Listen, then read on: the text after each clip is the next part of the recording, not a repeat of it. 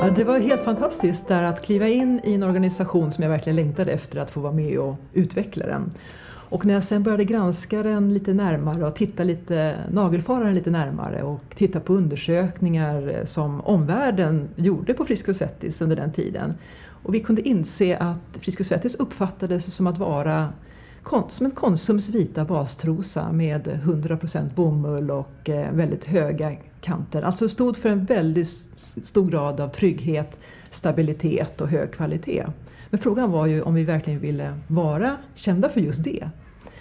Eh, internt så var vi väldigt stolta för det vi gjorde. Vi var väldigt eh, präktiga, lite äppelkindade, goda och glada. Vi tyckte att vi inte vi blev missuppfattade om omvärlden, att de inte förstod vår goda vilja. Eh, och det var ju jättehärligt med den energin och den kraften. Eh, grejen var ju den att vi ville ju nå ut, vi ville ju nå ut till ännu fler. Och då insåg vi att vi hade en riktig resa att göra.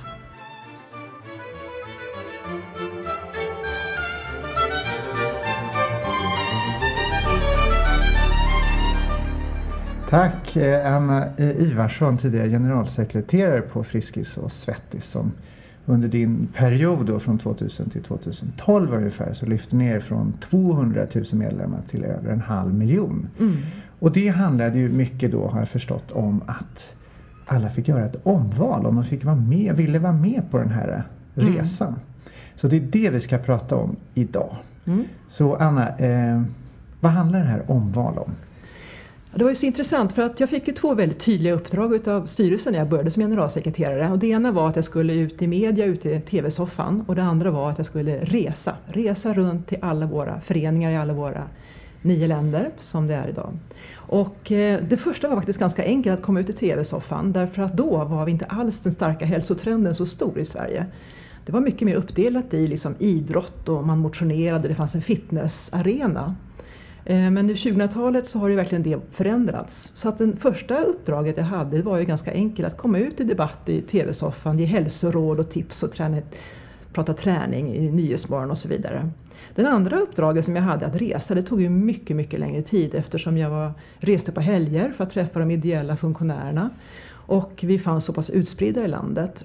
Eh, och när jag då upptäckte efter något år ungefär att eh, den här interna stoltheten inte var så stark i organisationen. Det, det förvånade mig lite men um, det gjorde ju också att jag började fundera på varför är man egentligen med i en organisation på sin fria tid som man inte ens känner sig stolt över. Så det handlar alltså om ideellt arbetande personer ja, som var, i stort sett inte får någon ersättning för Nej, då var det 8500 ideella funktionärer och vi var ju verkligen kända för gympan då. Då var det ju gympan mm. som ja, jag var... Jag har varit med på den. Du var med? Ja. ja, jag, ja, jag var också med. och det var ju det som var verkligen, och det är fortfarande vår... Eh, eh, alltså det finns väldigt mycket i vår ledarskapskultur som är fantastiskt utifrån gympan som företeelse. Man kan säga att gympan var ju vårt första uttryck för vår idé. Eh, idag har vi ju valt, idén är densamma men vi har ju valt att kunna utveckla själva, själva träningen kring idén. Eh, men det som förvånade mig i alla fall då, det var ju just att, man var med i någonting på sin fria tid som man faktiskt inte var stolt över. Och det var då jag insåg att vi behöver faktiskt göra ett rejält liksom, omtag. Liksom. Men varför, är, varför finns vi som organisation? Eh, varför väljer du och jag att vara engagerade i någonting som vi tydligen tror på?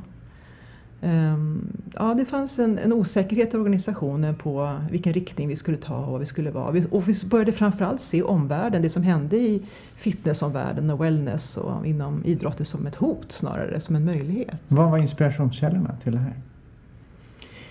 Ja, det som hände samtidigt då som man kommer ihåg var ju att också eh, hälsa som fenomen blev ju allt mer intressant där början på 2000-talet. Och vi kunde, jag, jag, kunde också i, i, ett antal omvärldsanalyser se att men, det här är någonting som kommer hända när det gäller att människor vill ta ett större ansvar för sin hälsa. Man kan säga, vi myntade också ganska tidigt begreppet ingen spaning, ingen aning. Vi insåg att vi jobbade väldigt internt i organisationen, inifrån och ut. Men vi hade ingen spaning utåt i omvärlden. Och när man inte har någon spaning ut i omvärlden då får man oftast fantasier eller man börjar se spöken eller missuppfattade ja, bilder av vad som sker här ute. Och därför blev det ett hot för oss. Vi såg det inte som att det kunde inspirera eller vad, vad kanske svenska folket ville ha helt enkelt. Och vem började ni prata med? Där? Ja, vi gjorde genomför ett stort antal undersökningar, liksom både kvantitativa och kvalitativa undersökningar förstås på hur, hur svenska folket uppfattar Friskis och Svettis. Och vi gjorde en jättegrundlig eh, analys internt också in, i organisationen på vad vi såg och vad vi ville och vad vi var. Eh, så att vi skapade oss mycket mer kunskap, alltså vi gick man säger, från en tyckarkultur till en kunskapskultur. Vad vill människorna ha där ute? Och vad, hur kan vi, vad ska vi göra av den eh, kunskapen? Ska vi ge dem det de vill ha eller ska vi ge dem det de ännu inte visste att de kommer att efterfråga? Men då var vi tvungna också att eh, eh, verkligen titta på men vad är vår roll när det gäller hälsoträning? Ska det vara så att vi ska ge människor all typ av träning eller inte? Så det var ju väldigt stora frågor som vi var tvungna att ställa oss. Och det där går tillbaks till vilka värderingar ni stod för, eller? Ja. Och vad, vilka relationer ni ville bygga med Ja. era ja. deltagare? Och då trodde jag ju någon slags där när jag var ny att eh, eh, nej men det här är ju enkelt, det är ju bara att mynta några värdeord. Eller det här, de finns ju, de fin- finns ju säkert i vår verksamhetsidé eller i vår vision, i vår mission. Eller, så det här blir enkelt tänkte jag då när jag var ny. Att, eh, men det, det, vi hittar de här gemensamma orden och så gör vi lite broschyrer och så skickar vi ut ett, i landet och runt omkring i våra, våra alla länder och sen så ska alla kunna rabbla de här orden trodde jag. Så är det klart. Ja, så är det klart. Men så vart det inte. Var så var det. Utan det blev ju en hel bok. eh, En hel bok med eh, vad vi är och vad vi inte är. För vi var tvungna att avgränsa faktiskt. När man är snäll organisation så vill man ju gärna göra allt. Men man kanske inte ska, det kanske inte är vårt uppdrag. Hur skrev ni boken då? Var fick alla komma in med förslag? Eller? Ja, jag reste ju runt eh, väldigt mycket och tillsammans med ett antal andra utbildare. Och utifrån det så kunde jag ju dra ett antal slutsatser. Liksom, Det fanns ju ändå gemensamma nämnare på vårt uttryck. Så jag samlade på mig extremt mycket underlag till det, plus vår gedigna historia som vi ändå hade, eller sedan 78. Och då satt, sen så såg jag en grupp eh, som fick uppdraget helt enkelt att göra själva, att dra de här slutsatserna utifrån vad vi såg. Alltså vad är vi och vad är vi inte? Och vad var ni inte då? Ja, det var ju en stor mängd. Alltså vi insåg att vi kunde inte jobba med orden så här utan vi jobbade med bilder och bildspråk. Och vi sjösatte en helt ny utbildning som vi fick benämningen Rocktåget i Frisk och Svettis. Alltså vi reste runt åtta personer till varenda förening, mötte varenda funktionär, förtroendevald, anställd medarbetare och bara under en dag fick de gänget och vi tillsammans träna skitkul, äta jättegod mat och bara snacka om varför vi finns och vart vi, alltså våra Det värderingar. låter som en valturné. Ja, men det var helt fantastiskt under tre års tid. Så vi mötte och det blev en jättestor boost i hela organisationen. Där man verkligen kände att nu gör vi någonting tillsammans. Alltså vi, jag är med i en större helhet. Så det blev ju en riktig snackis i organisationen och, och Riksorganisationen bjöd ju på den här turnén också som en investering i varumärket helt enkelt. Investering i vår framtid. Så det var en stor manifestation och under den här resan då när alla fick boken eh, med bilderna vad vi är och vad vi inte är. Vi Och den fick, är ingen textad, det är bara bilder? Ja, Eller? det fanns också text i den förstås som berättar lite om vår historia och vart vi är. Och det fanns faktiskt också i, slutet av boken ett facit. För dig som, den som inte förstod bilderna så fanns det en sprättdel längst bak i boken. Jaha, fast man man kunde sprätta. aktivt Ja, man eh, gå tvungen att in aktivt- med en brödkniv. Ja. Så kunde man sprätta den delen och läsa liksom tankarna kring, kring valet av vad vi är och vad vi inte är. Hur stor eh, utrymme fick eh, de som var ute i organisationen att faktiskt påverka då innehållet? Eller var det klart? Nej, det var ju verkligen i samarbete långt... Alltså det på, vi var ju en process att utveckla den här boken under närmare tre års tid. Eh, Som, men det var ett, ändå ett antal personer så småningom som jag eh, bad om att få liksom, som kulturbärare att hjälpa till, att liksom mejsla fram. Så egentligen var, man kan säga, det, var, ju- det var ju inga nyheter i boken, det var att vi hade samlat egentligen det som sagts och gjorts om Frisk och Svettis. Var in, in, inställningen att göra det som fungerar bäst och varsågod och lär er det här och, och liksom imitera? Eller var det mer att Ett nu har vi möjlighet att Ja. bygga en relation till varandra? Ja, i, exakt, precis så.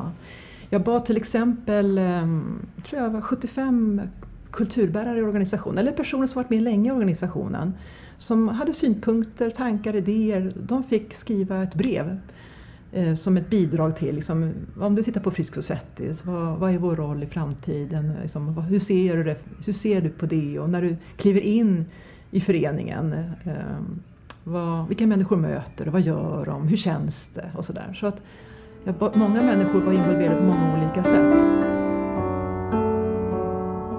Det låter inte så intellektuellt utan är mer känslomässigt driven. Inte för att det skulle jag vara sämre. Jag tycker superintellectuellt. Nej, men just att man pratar om hur det känns att komma in snarare än vet, hur ja. ska vi strukturera oss på bästa sätt? Ja, just du tänker så ja. Nej, men om det, var, om det var någonting som fanns i organisationen så var det ju struktur. Det var ju liksom policies och riktlinjer. Det är ju ofta så när man är i identitetsförvirring i min erfarenhet och det möter jag väldigt ofta idag när jag jobbar med organisationer. Att eh, när man är i identitetssökning, vilket många kanske folkrörelser är idag, även inom näringslivet eller myndigheter, offentlig sektor och så vidare. Så, eftersom vi står inför så stora utmaningar så är det ju ofta som har hårdare tagen man söker. Eller liksom, kan någon bestämma? Eller kan enklare vi, lösningar. Ja, policy, ny policy. Det ändrar vi här. Så ja. liksom. Och det var, om det var något som fanns där så var det ett helt myller utav ja, stadgar och eh, regler. Det var ju verkligen det som man stödde sig på trodde var vår idé. Och sen så slog man visionen i huvudet på folk och liksom tyckte att det händer ingenting. Det händer ingenting. Och nu, det fanns en så stor längtan av att verkligen få äntligen slippa det här med kortrutiner, schemaläggning, eh, ja, hämta, lämna anläggning. Ja, då hade vi inte så många träningsanläggningar Frisk och Svettis så då var det ju väldigt mycket på ett annat sätt. Så ni sökte hjärtat någon annanstans än det som var nedskrivet i Ja, vi började prata om det som, ja, och det var ju det utvärderingarna visade också på. Den här längtan efter att få prata om det här, mitt, mitt, min vilja att vara med var ju så enormt stark. Fanns det inte en rädsla då, eller det fanns det uppenbarligen inte någon rädsla för att släppa loss det där och att eh, folk skulle bryta sig ur och nu kör jag själv. Eller mm. att man släpper loss en, en vilja att göra annorlunda och ingen ska få bestämma över mig. Och, och hur, hur mätte ni det? Ja, det var en bra fråga. Men att jag upplever att det, alltså när man är med i en organisation på sin fria tid så har man ju kanske också en ännu viktigare att det ska vara meningsfullt och att jag ska kunna få bidra. Ehm, det som jag tror att vi gav utrymme till det var ju det här att verkligen få bli lyssnad på. Ehm, inte för att man ska få sin vilja igenom alltid, för det, utan den här respekten för att få bli lyssnad på. Det var ju det vi öppnade upp i och med den här turnén som vi gjorde och verkligen gav möj människor möjlighet att bli lyssnade på. Ehm, så att jag tror att ibland kan man ju tro att man människor bara har massa vilja, men så är det ju inte. Utan, och man, man kan inte få bete sig hur som helst för att det är en ideell organisation. Men däremot det här med att få bli lyssnad på, ehm, den, den delen har, tror jag också är genuin för Friskis och även idag. Man kan tänka också att det finns en tyst kunskap om hur, vad som funkar i en sal, i en gymnastiksal för att få igång folk. Och, ja. Och också hur man bemöter och följer upp och mm. liksom får den här känslan av att vara tillsammans. Det är inte någonting som man kan läsa utan det är någonting som Nej. man upparbetar. Ju. Ja. Hur lockar ni fram den och visade upp den där tysta vet kunskapen? Som är, eh, när man har, jobbar med träning så här, alltså det finns ju ett försprång kan man faktiskt, man jämför med kanske när man ska vara ledare traditionellt stå inför en grupp och föreläsa. Grejen är den att när man är i en grupp och ska röra på sig, alltså använda hela sin kropp, så får man faktiskt ett litet försprång för då måste människor våga uttrycka eh, och använda hela sin kapacitet. Inte bara sin hjärna och sin mun och sin ögonkontakt utan även använda hela sin kropp. Sin oförmåga att koordinera sig. Ja, det, är, det, är ett, det är ett helt fenomenalt sätt att jobba med att utveckla sig, sin personlighet och sin person. Och tänja på sina gränser och utmana sig att, att vara i rörelse. Så att det är klart att jag tror att ledarskapskulturen i Frisk och Svettis är väldigt gynnsam på så sätt när man har människor går in med hela sig helt enkelt. Och det gör man även i sitt engagemang eller som medlem. Det är därför det går så bra helt enkelt. Men hur kunde ni dela den här tysta kunskapen mellan de som var ledare i gymnastiksalen till exempel? Hur tänker du? Nej men alltså de som har på längre, vissa klasser är ju mycket roligare än andra. Ja. Därför att det finns en, en inställning till de som är med som ja. är så smittande. Ja. Medan andra är bara, som man inte stämmer med. Man gillar ju att gå till någon men inte till den andra. Ja. Och hur får man det där samtalet att uh, fungera? Och med de som kommer in ny, de som har varit med länge, Just du tänker varandra. Så. Ja, fast då börjar du ju göra jämförelser. För det där är intressant också för att, som, att det Finns det något bättre sämre, eller sämre i det? Jättebra. Ja. Det finns ja, ingen bäst nej, det finns, nej, precis. Nej. Jag brukar säga att Frisk och Svettis har ingen ålder. Eh, och det har liksom inget... Det finns inte ett perfekt sätt att göra nej, det på och varsågod precis, och lär, för då utan... skulle vi bli slätstrukna och tråkiga snarare om vi skulle försöka attrahera och, och, likna. Utan det är ju snarare den här mångfalden och som skapar en hel palett som kan göra att vi attraherar så många.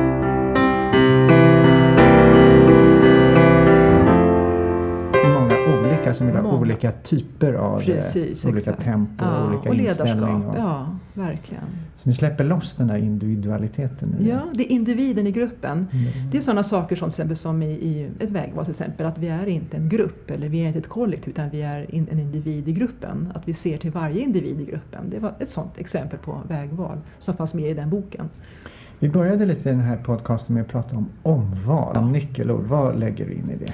Jo men det var ju så här att nu är vi någonstans framme kanske 2003, 2004 och vi var ute på vår stora turné och vi började också se att eh, några föreningar hade ju faktiskt börjat öppna upp. Vi hade väldigt mycket interna diskussioner kring ska vi erbjuda individuell träning i gymmet, spinning och så vidare. Det här med utrustningen var ju en stort dilemma i Frisk och Svettis. För det kostar så mycket eller vadå? Nej, därför att vi gick, nej inte alls, utan därför att eh, från den här fria existentiella träningen, att använda sin kropp i träningen, så, blev vi nu, så ställde vi in ett redskap. Så det största dilemmat vi hade på en årsstämma Som där- kom emellan? som kom emellan, det var en steppbräda.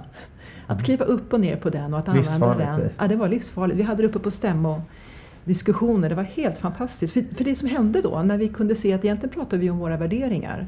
Det här är inte fråga om vi ska använda en bräda eller inte för att få en bättre träningskvalitet. Utan det var ju vårt synsätt på kroppen och träningen och alltså vår, en värderingsfråga.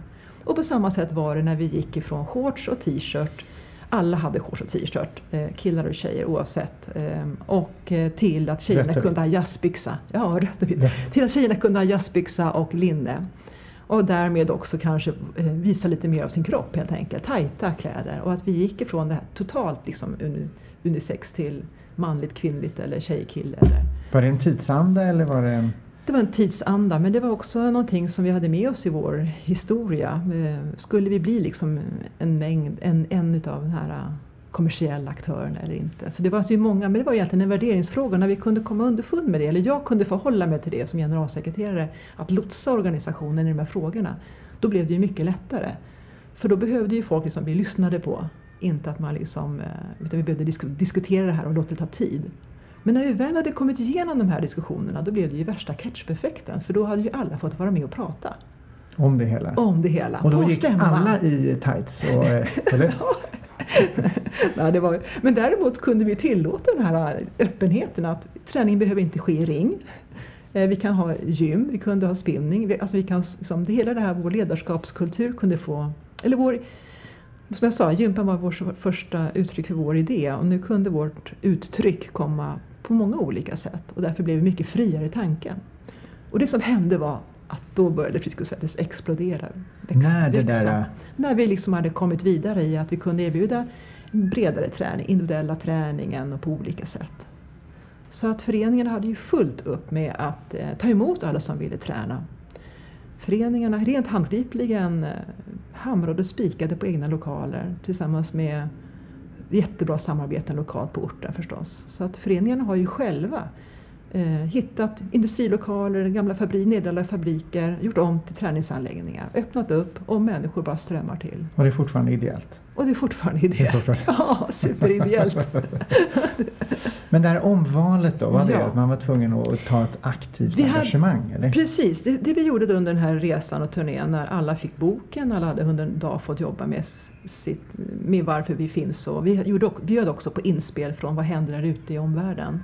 Då fick alla uppdraget eh, att gå hem och fundera nästa gång du får förfrågan från valberedningen om du vill vara ordförande eller om du vill vara värd på tisdagar eller om du vill leda din träning på onsdagar så behöver du välja om ditt engagemang. För nu kommer det börja hända grejer i Frisk och Svettis. Det är hit vi ska, det är de här utmaningarna vi står inför. Vi börjar känna att det börjar koka i organisationen.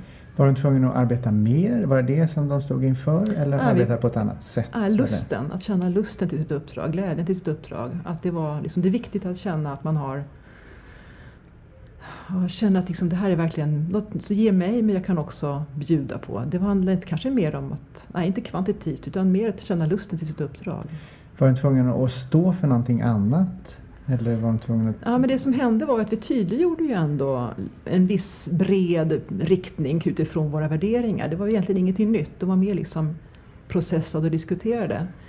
Och eh, det var ju klart att man behövde känna att ja, men addar jag med det här? Så att säga? Kan jag, bygger jag mitt personliga varumärke med den här organisationen? Det finns ju massa andra ideella organisationer att engagera sig i. Så kunde, du, kunde de identifiera sig med det det här stod ja, för? Ja. Precis, då, är, då kanske du ska vara med. Men vi, organisationen kommer finnas kvar. Så om du väljer att ta en paus så pröva så gör det. Var det någon men, som tog det beslutet att inte vara med eller? Nej, jag mötte faktiskt inte en enda. Som, men jag tror ändå att folk liksom mer eftertänksamt eh, började fundera över och liksom, det blev som ett begrepp i organisationen att välja om. Ta, ta nya steg där ja. Mm. Och det var ju någonting som vi byggde vidare sen i, hos våra chefer och ledare och styrelser och styrelsearbetet att välja om sitt uppdrag. Var var det tvärstopp i den här resan? Det här går inte. De är, det, det här, vi, vi, får inte med folk med det mm. vi tänker tänker fel, vi har inga resurser kring det här. Vi...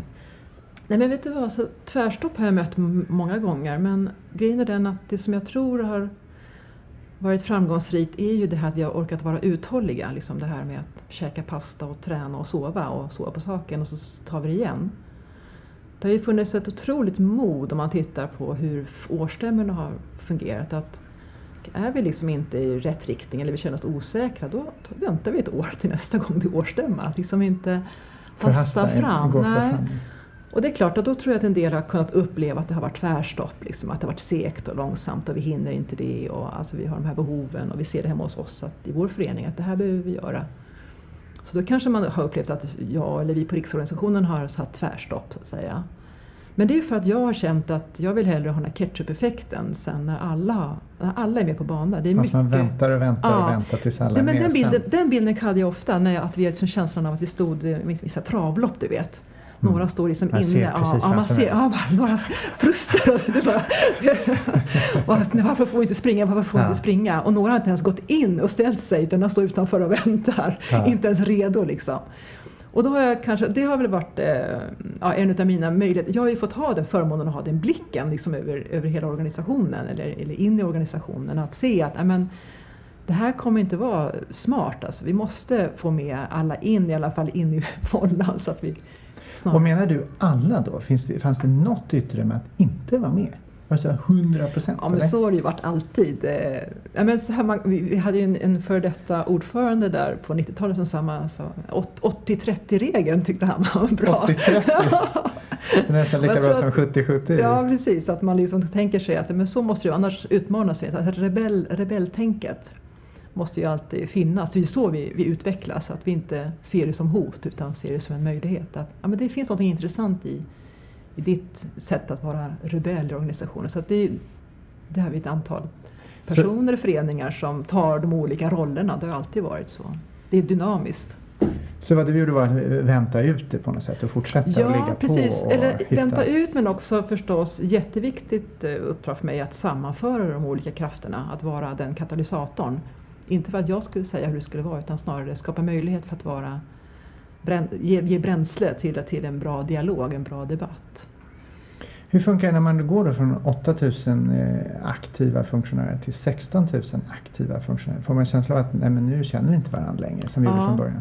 Nej, men det håller jag med om. Att, eh, det tror jag nog att det är många som varit med tidigare kan känna. Liksom att, vad, vad är min roll i det här? Vad hände? Ja, vad hände? Precis. Eh, Eh, å andra sidan så är det nog så att eftersom väldigt många funktionärer upplever det här genuina mötet med varje medlem så eh, det visar också alla undersökningar internt liksom att man upplever det som meningsfullt alltså i träningen eller hälften av de här 16 500 är ju värdar och, som står i receptionen och tar emot som värdinnor eller värdar och eh, kollar att det är fräscht eller liksom ser till att man skapar stämning och så vidare. Ehm, så att det är ju det är, det är hälften som är liksom mötet i träningen men lika många finns ju med runt omkring och bidrar till en god känsla i föreningen. Ehm, så det är klart att det är många nya som har kommit in men jag tror att just det mötet med medlemmarna gör att man tycker att det är meningsfullt även fast har blivit större. Ja just det, för ja. det är man fortfarande relationen som man bygger med dem. Ja, det är så pass mycket många. På ett individuellt sätt. På ett individuellt sätt, ja. Nu börjar vi närma oss lite slutet av den här så det vore spännande. Vad är det man kan tänka på? Du har gjort den här resan och har hängt i i mm. över 12 år mm. för att mm. driva det från det här som var väldigt bra till någonting som var ännu bättre. Vad kan man tänka sig? Eh, vad kan man tänka på om man skulle själv vilja sätta igång med en liknande resa, kanske lite mindre men eller större? Nej men ofta så eh, tror jag, men jag tittar också utifrån de organisationer jag möter idag, som, så kanske man egentligen hanterar symptomen på det som är att man inte känner sig grundad i organisationens identitet eller värderingar. Det, hand, det handlar inte bara om att, så att nå fram med ett budskap utan även nå in i människorna, alltså sina medarbetare eller sina ideella funktionärer eller vad man nu har. Inte bara sätta en struktur. Nej utan... precis, att verkligen att, att, våga, att orka ge det tid, att vara tål, tål, tålamod. Eh, och att liksom ser det som ett långt mission, att hela tiden jobba med sin identitet och värderingar. Um, man säger same shit new wrapping, alltså det värderingarna är de samma. Och då, när vi gjorde vår första bok, nu när jag, precis när jag slutade så gjorde vi ju vår andra bok. Eh, också med, precis likadant med, samma, med värderingarna. Eh, men också för att det ska kännas som ett nyhetsvärde i själva förpackningen. Men innehållet är ju precis detsamma. Så jag tror att just det här att vara, orka vara uthållig eh, är oerhört viktigt. Och att det ligger just på högsta ledningen. Ofta så ser jag ju de här arbetena ligga alldeles för långt ifrån högsta ledningen, att det är någonting som sker av någon annan i organisationen. Och du har ju också gått eh, LPU, ledarskap genom personlig utveckling, mm. i slutet av den här, eller efter nio år då, ungefär. Mm. Hur hjälpte det dig att eh, klara av nya utmaningar då? Eh, absolut. Eh, LPU gav ju verkligen mig möjlighet att eh, möta mig själv. Att eh, ge mig tid att tänka. Eh, ge mig mod att eh, få ställa mig mina egna frågor kring mina egna omval och mina med, medvetna val. Att få jobba med acceptans. Det är ett antal dimensioner som jag tror många har längtan efter och tycker också jag och mina kurskamrater hade en spännande resa. Jag tänker acceptans, vad tänker du på då? Eh, alltså att jobba med acceptans det är ju nästan en slags grundläggande för mig att liksom acceptera, att börja gilla mig själv lite mer eller börja acceptera de saker som jag inte gillar hos mig. Men ändå se att hur jag kan lära mig förhålla mig till dem. De delarna, mitt hela jag. Mm. Mm. Fick du någon, eh, känner du att du ändrade din relation till dina medarbetare i samband med det? mera till mig själv tror jag kanske. Ehm, jag, jag, jag, kunde ju också konstatera att i den miljön och den organisationskulturen som jag befinner mig i så fick jag ju också en bekräftelse på eh, hur viktigt det är att va, vara medveten om sitt ledarskap eller sina medvetna val i organisationen. Och Fiskesvettis har ju en väldigt gedigen utbildningsorganisation med uppföljning, uppföljningsverksamhet som jag kan se kanske i näringslivet, i alla andra branscher som inte är lika utvecklat. Så jag fick ju också väldigt mycket bekräftelse på liksom att, vilket försprång eh, en ideell organisation har när man kanske kan ha möjligheten att vara mer medveten om sitt engagemang och sina drivkrafter, för det är så pass levande. Eh, så jag fick ju också en väldigt boost av att få en sån bekräftelse att eh, ligga rätt i tiden. Med de här värderingarna? Med de här värderingarna, eller medvetenheten, medvetenheten kring att jobba med värderingarna. Mm. Var det någonting av det du förde ut i organisationen som du lärde dig? Vad gjorde, du någon ändring i? Eh, I organisationen? Till, ja, eller mm. la till någonting? Jag kan tänka mig att jag ehm, eh, Jo, att jag, jag, kunde gå in ännu starkare liksom, trygghet. Eh, du kunde ta emot mer på något ja, sätt? Kunde ta ja, det kunde jag. Kunde släppa mm. taget lite? Absolut. Minska ja, kontrollen? Mer, ja, precis. Mm, definitivt. Kunde bära spänningar i... Ja, då, ja, men när du säger det så. Ja, det kan jag hålla med om. att Ehm, det tryggare en tydligare sortering helt enkelt. Ja. Tydligare sortering? Sortering för mig, liksom, när det handlar om drivkrafter eller maktstrukturer. Eller, så att jag kunde också på så sätt också släppa och ja, bli mer, lite mer loose i min hållning. Jaha, vad spännande. Då släpper vi taget om den här podcasten. Eh, mm. Tack så mycket Anna Ivarsson, tidigare generalsekreterare på Friskis och Svettis och nu eh, strategitänkare kan man mm. säga. Mm. Eh, mitt namn är Karl Eneroth, jag är online program director här på IFL och vill ni lyssna mer på våra podcasts så surfa in på www.ifl.se inspiration. Tack så mycket. Tack ska du ha.